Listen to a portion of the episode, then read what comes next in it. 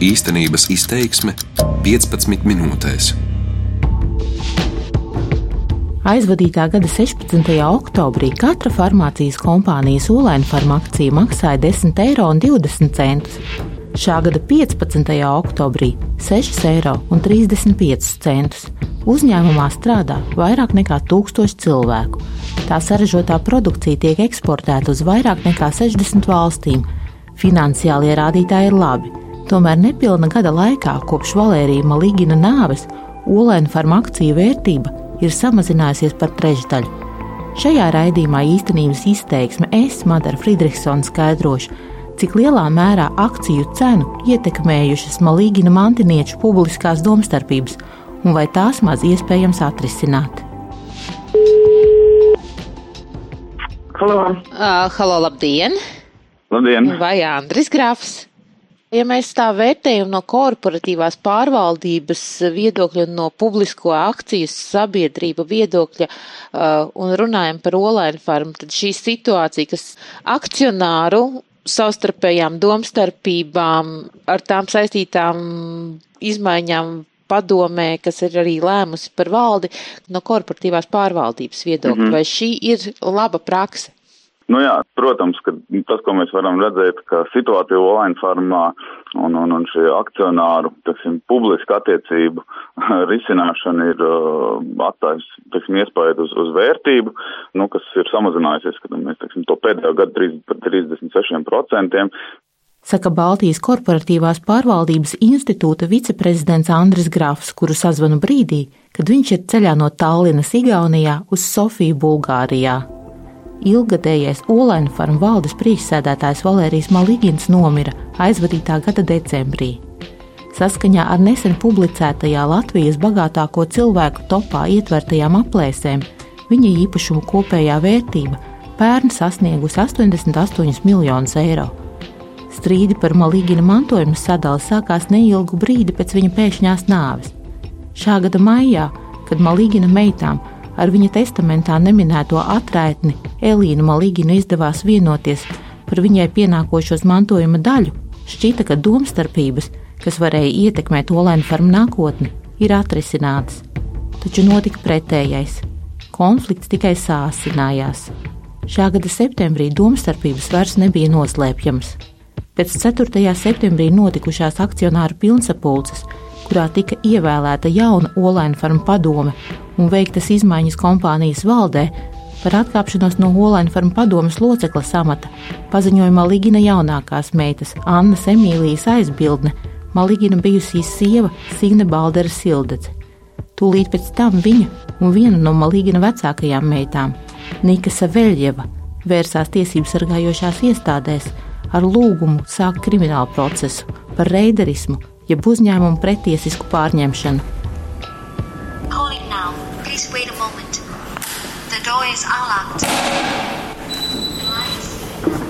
Labdien! Es pie Haralda Velmera. Zvērnāts advokāts Haralds Velmers Maligina mantojuma lietā pārstāv Nikas Savēļģevas intereses. No viņa stāstītā izriet, ka Savēļģevas ieskatā Malīgina mantojuma aizgādne, Malīgina vecākā meita Irina Malīgina, augusta nogalē un septembra sākumā negodprātīgi izmantojusi iespēju pārņemt kontroli pār Olainu farmu. Visām mantiniecēm zvērnāt notāra Valda Vaivara bija paziņojis par to, ka 28.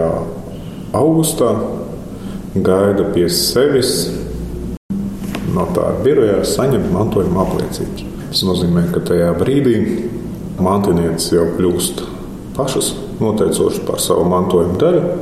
Attiecīgi aizgādnes, kur bija Irina Malīgina, zaudē tās pilnvaras, kas viņai saistībā ar aizgādnību ir noteikts. Dienā, kad bija jāierodas pēc mantojuma apliecībām, nedz Saveļģeva, nedz Baldera Sildets nesot bijušas Latvijā, un apliecības nav saņēmušas. Sekas atklājušās dažas dienas vēlāk, 4. septembrī, kad notika Olaina farma akcionāru sapulce. Tās sākotnēji apstiprinātajā dienas kārtībā bijis iekļauts tikai jautājums par izmaiņām kompānijas statūtos. Līdz ar to nevienam īsti jau satraukumu par to, kas notiks 4. Eh, septembrī, nebija. Un nekas neliecināja par to, ka kaut kas būs, kaut kāda lēmuma tiks pieņemta 4. septembrī savādāk nekā bija paredzēts un izsludināts arī dienas kārtībā. Nu, lūk, savukārt, protams, tajā laikā, ņemot vērā to, ka apliecības nebija izņemtas, un faktiski trešajā datumā izņemt viņam maz jēga bija, tāpēc, ka ir noteikts likumā termiņš, līdz kuram ir jāreģistrējas par akcionāru, lai varētu lemt.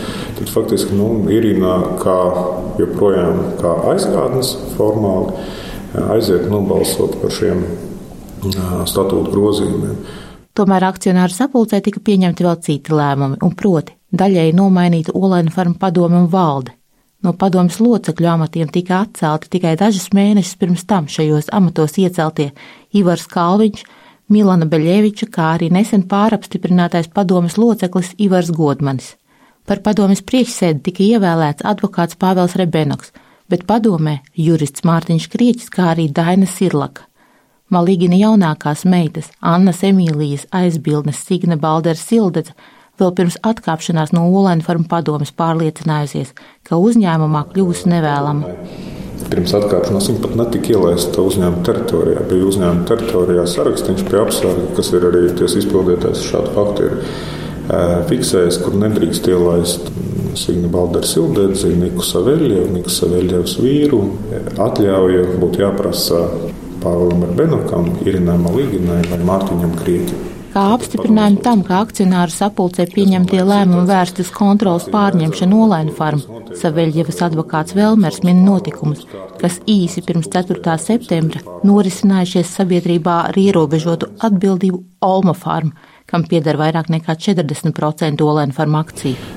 Šajā sabiedrībā arī īsi pirms uh, akcionāru sapulces Irina Malīgina kā aizgādnes pieņem lēmumu par statūtu grozījumiem, kuros izgroza statūtus un nosaka, ka turpmāk lēmumi, dalībnieku lēmumi tiek pieņemti ar trijām ceturdaļām balsu. Ko tas nozīmē? Tas nozīmē to, ka arī ja tiek kā dalībnieki reģistrētas abas pārējās mantinieces, tad bez īrijas malīginas akcepta nekādas izmaiņas vai jebkāda cita lēmuma teorētiski nevarētu tikt pieņemti šajā sabiedrībā.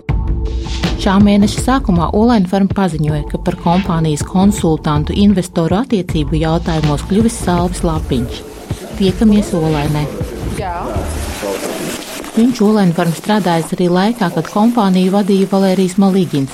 Neilgi pirms Malīgina nāves abu ceļi gan šķīrušies. Lapiņš atzīst, bijušas domstarpības par dažiem korporatīvās pārvaldības jautājumiem. Pēc Malīgina nāves Lapiņš uzņēmumā atgriezies, kādu laiku bijis valdes loceklis, bet tagad kļuvis par valdes padomnieku. Investoru pasaules uzticību Olēna farmām mēs ar Malīginu kungu būvējām faktiski kopš 2006. gada. Un mēs ļoti labi redzam, ja, ka viņi var 12 gadus būvēt ja, un 3 mēnešu laikā sagraut. Vērtējot mantinieku strīdu ietekmi uz Olēna farmu vērtību, viņš spriež. Un, un neapšaubāmi būtiskākā šī mantojuma daļa ir, ir Olēna farma akcijas. Un, uh, es aicinātu šos te, mazākuma akcionārus, domzīmu mantiniekus, šo te apzināties un saprast to, ka, ko mēs arī ļoti uzskatām, faktiski pēdējos mēnešus redzam, kad nekas tā negrauj uzņēmumu vērtību, kā šāda nenoteiktība, ko viņi paši šobrīd veicina. No lapiņa teiktā skaidri izriet, ka uzņēmuma iepriekšējās padomas nomaiņu, kas eskalēja konfliktu malīgina mantiniešu starpā, viņš uzskata par pamatotu tās darbības laikā esot apstājusies Olaina faru attīstības plānu īstenošana. Tur zinām laiku faktiski attiecībā, piemēram, uz kontaktiem ar, ar investoru vai banku pasauli aktivitātes nebija pilnīgi nekādas. Turpretī tagad, kad darbu sākus jaunā padoma un daļai nomainīta arī Olaina farma valde, atsācies arī darbs pie Valērija Malīgina izloloto uzņēmuma attīstības plānu īstenošanas. Kopš 4. septembra Olenfarma padomas priekšsēža amatu ieņem zvērnāts advokāts Pāvels Rebenoks. Par padomas locekli kļuvis arī viņa līdzgaitnieks jurists Mārtiņš Krieķis. Abi iepriekš dažādās tiesvedībās pārstāvējuši farmācijas kompānijas Grindeks akcionāru Kirovu Līpmanu, kurš šogad vairāk kārt publiski noliedzis, ka viņam būtu kāda interese par Olenfarmu. Malīgina mantojuma lietā Rebenoks un Krieķis pārstāvēja uzņēmēja atraitnes Elinas Malīginas intereses. Saveļjeva vērsusies zvērnāt advokātu padomē ar iesniegumu, kurā norāda, kļūstot par Olaina farmu padomes locekļiem, viņi nonākuši interešu konfliktā. Jautāja Pāvēlam Rebenakam, kā viņš nonāca Olaina farmu padomē. Es nonācu tā, kā visi cilvēki nonāk padomē. Saskaņā ar komerces likumu padomē aicina darboties uh, personas akcionāri. Tad, tad es esmu saņēmis uzaicinājumu no akcionāra, no Sija Ulma Farma. Darboties padomē, un attiecīgi akcionāru sapulcē mani ir apstiprinājuši šajās, šajā amatā. Tā es arī nonācu. Pašreizējā Olēnfarma padoma manām atšķiras no iepriekšējām. Par to locekļiem nereti kļuva bijušās augsta ranga amatpersonas vai politiķi. Piemēram, Vairākus gadus tajā darbojās bijusī veselības ministre Ingrīda Circene, bet no 2016. gada līdz šā gada 4. septembrim ekspremjeras Ivars Godmanis. Par Olēnu farmu padomas locekli vairāk kārt ievēlēts arī par mildrunāta tēvu iedēvētais Ivars Kalviņš – kurš tāpat kā Godmanis vietu padomē zaudēja 4. septembrī. Valērija Līgina laikā padomē bija tāda nu, vairāk nu, reprezentatīva funkcija, un, jo tomēr viņš bija valsts priekšstādātājs. Tātad, kaut arī faktiski pēc viņa statusa viņam vajadzēja būt kā, nu, padomus priekšstādātājiem, ja?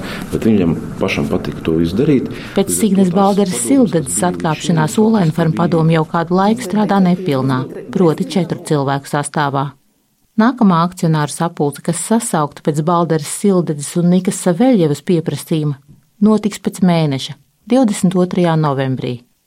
Rebenoks ir pārliecināts, ka nekāda radikāla lēmuma tajā netiks pieņemta. Šobrīd tie signāli, kas pienāk no citiem mazākuma akcionāriem un faktiski kontrolējušiem akcionāriem, ka darba kārtība, kas ir piedāvāta, nu, tā nav atbalstāma. Līdz ar to es domāju, nekādas izmaiņas nenotiks un uzņēmums turpinās darbu līdz kārtējai akcionāru sapulcē, kur būs apstiprināts jau gada pārskats, un attiecīgi tad mēs redzēsim arī tos darba rezultātus, ko gan valde, gan padome ir veikusi. Tas būtu jau nākamais gads. Jā, nu tad kārtējais sapulce ir plānota apmēram uz jūniju, jūliju. Šāds notikuma scenārijs gan visticamāk nozīmētu, ka publiskās domstarpības starp Malīgina mantiniecēm turpināsies. No Olaina farma attīstības viedokļa raugoties, tieši šīs ir visnevēlamākais scenārijs atzīst Baltijas korporatīvās pārvaldības institūta viceprezidents Andris Grāfs. Ja mēs, nu, teiksim, pēc gada esam tieši tajā pašā stāvoklī, kad akcionāri publiski, teiksim, strīdās un šis strīds nav atrisināts, nu, tad skatoties, kā notiek, teiksim, dažādās valstīs, kas notiek ar uzņēmumiem, kur šie akcionāru konflikti ir, tie teoretiskie scenāriji, protams, ir, ka tas ietekmē pašu uzņēmumu, šo pamatdarbību, un tas var ietekmēt arī, nu, šīs attiecības starp uzņēmumu un, un sadarbības partneriem piegādāt piegādātājiem, aizdevējiem un, un, un investoriem. Un, piemēram, nu, tie vistipiskākie piemēri ir, ka ar vienu grūtāk ir pieņemt jau kādus strateģiskus lēmumus par uzņēmumu attīstību, jo, jo, jo akcionāru teiksim, līmenī vai lielu akcionāru līmenī nav, nav panākt vienošanās. Tas viennozīmīgi arī var atstāt ietekmi uz, uz uzņēmumu finanšu sniegumu un efektivitāti. Vienīgais veids, kā apturēt šo domstarpību nelabvēlīgo ietekmi uz olēnu farmu reputāciju un attīstību, ir sēsties pie sarunu galda, viņš uzsver. Ir jāatrod veids, kādā neksim, nolikt malā šīs emocijas un kaut kā soli pa solim tikt galā ar šo situāciju, vai piesaistot kādu neatkarīgu sarunu vedēju vai mediātoru. Šīs sarunas tiešām jāievirs tādā konstruktīvā gultnē. Vai tas vēl ir iespējams?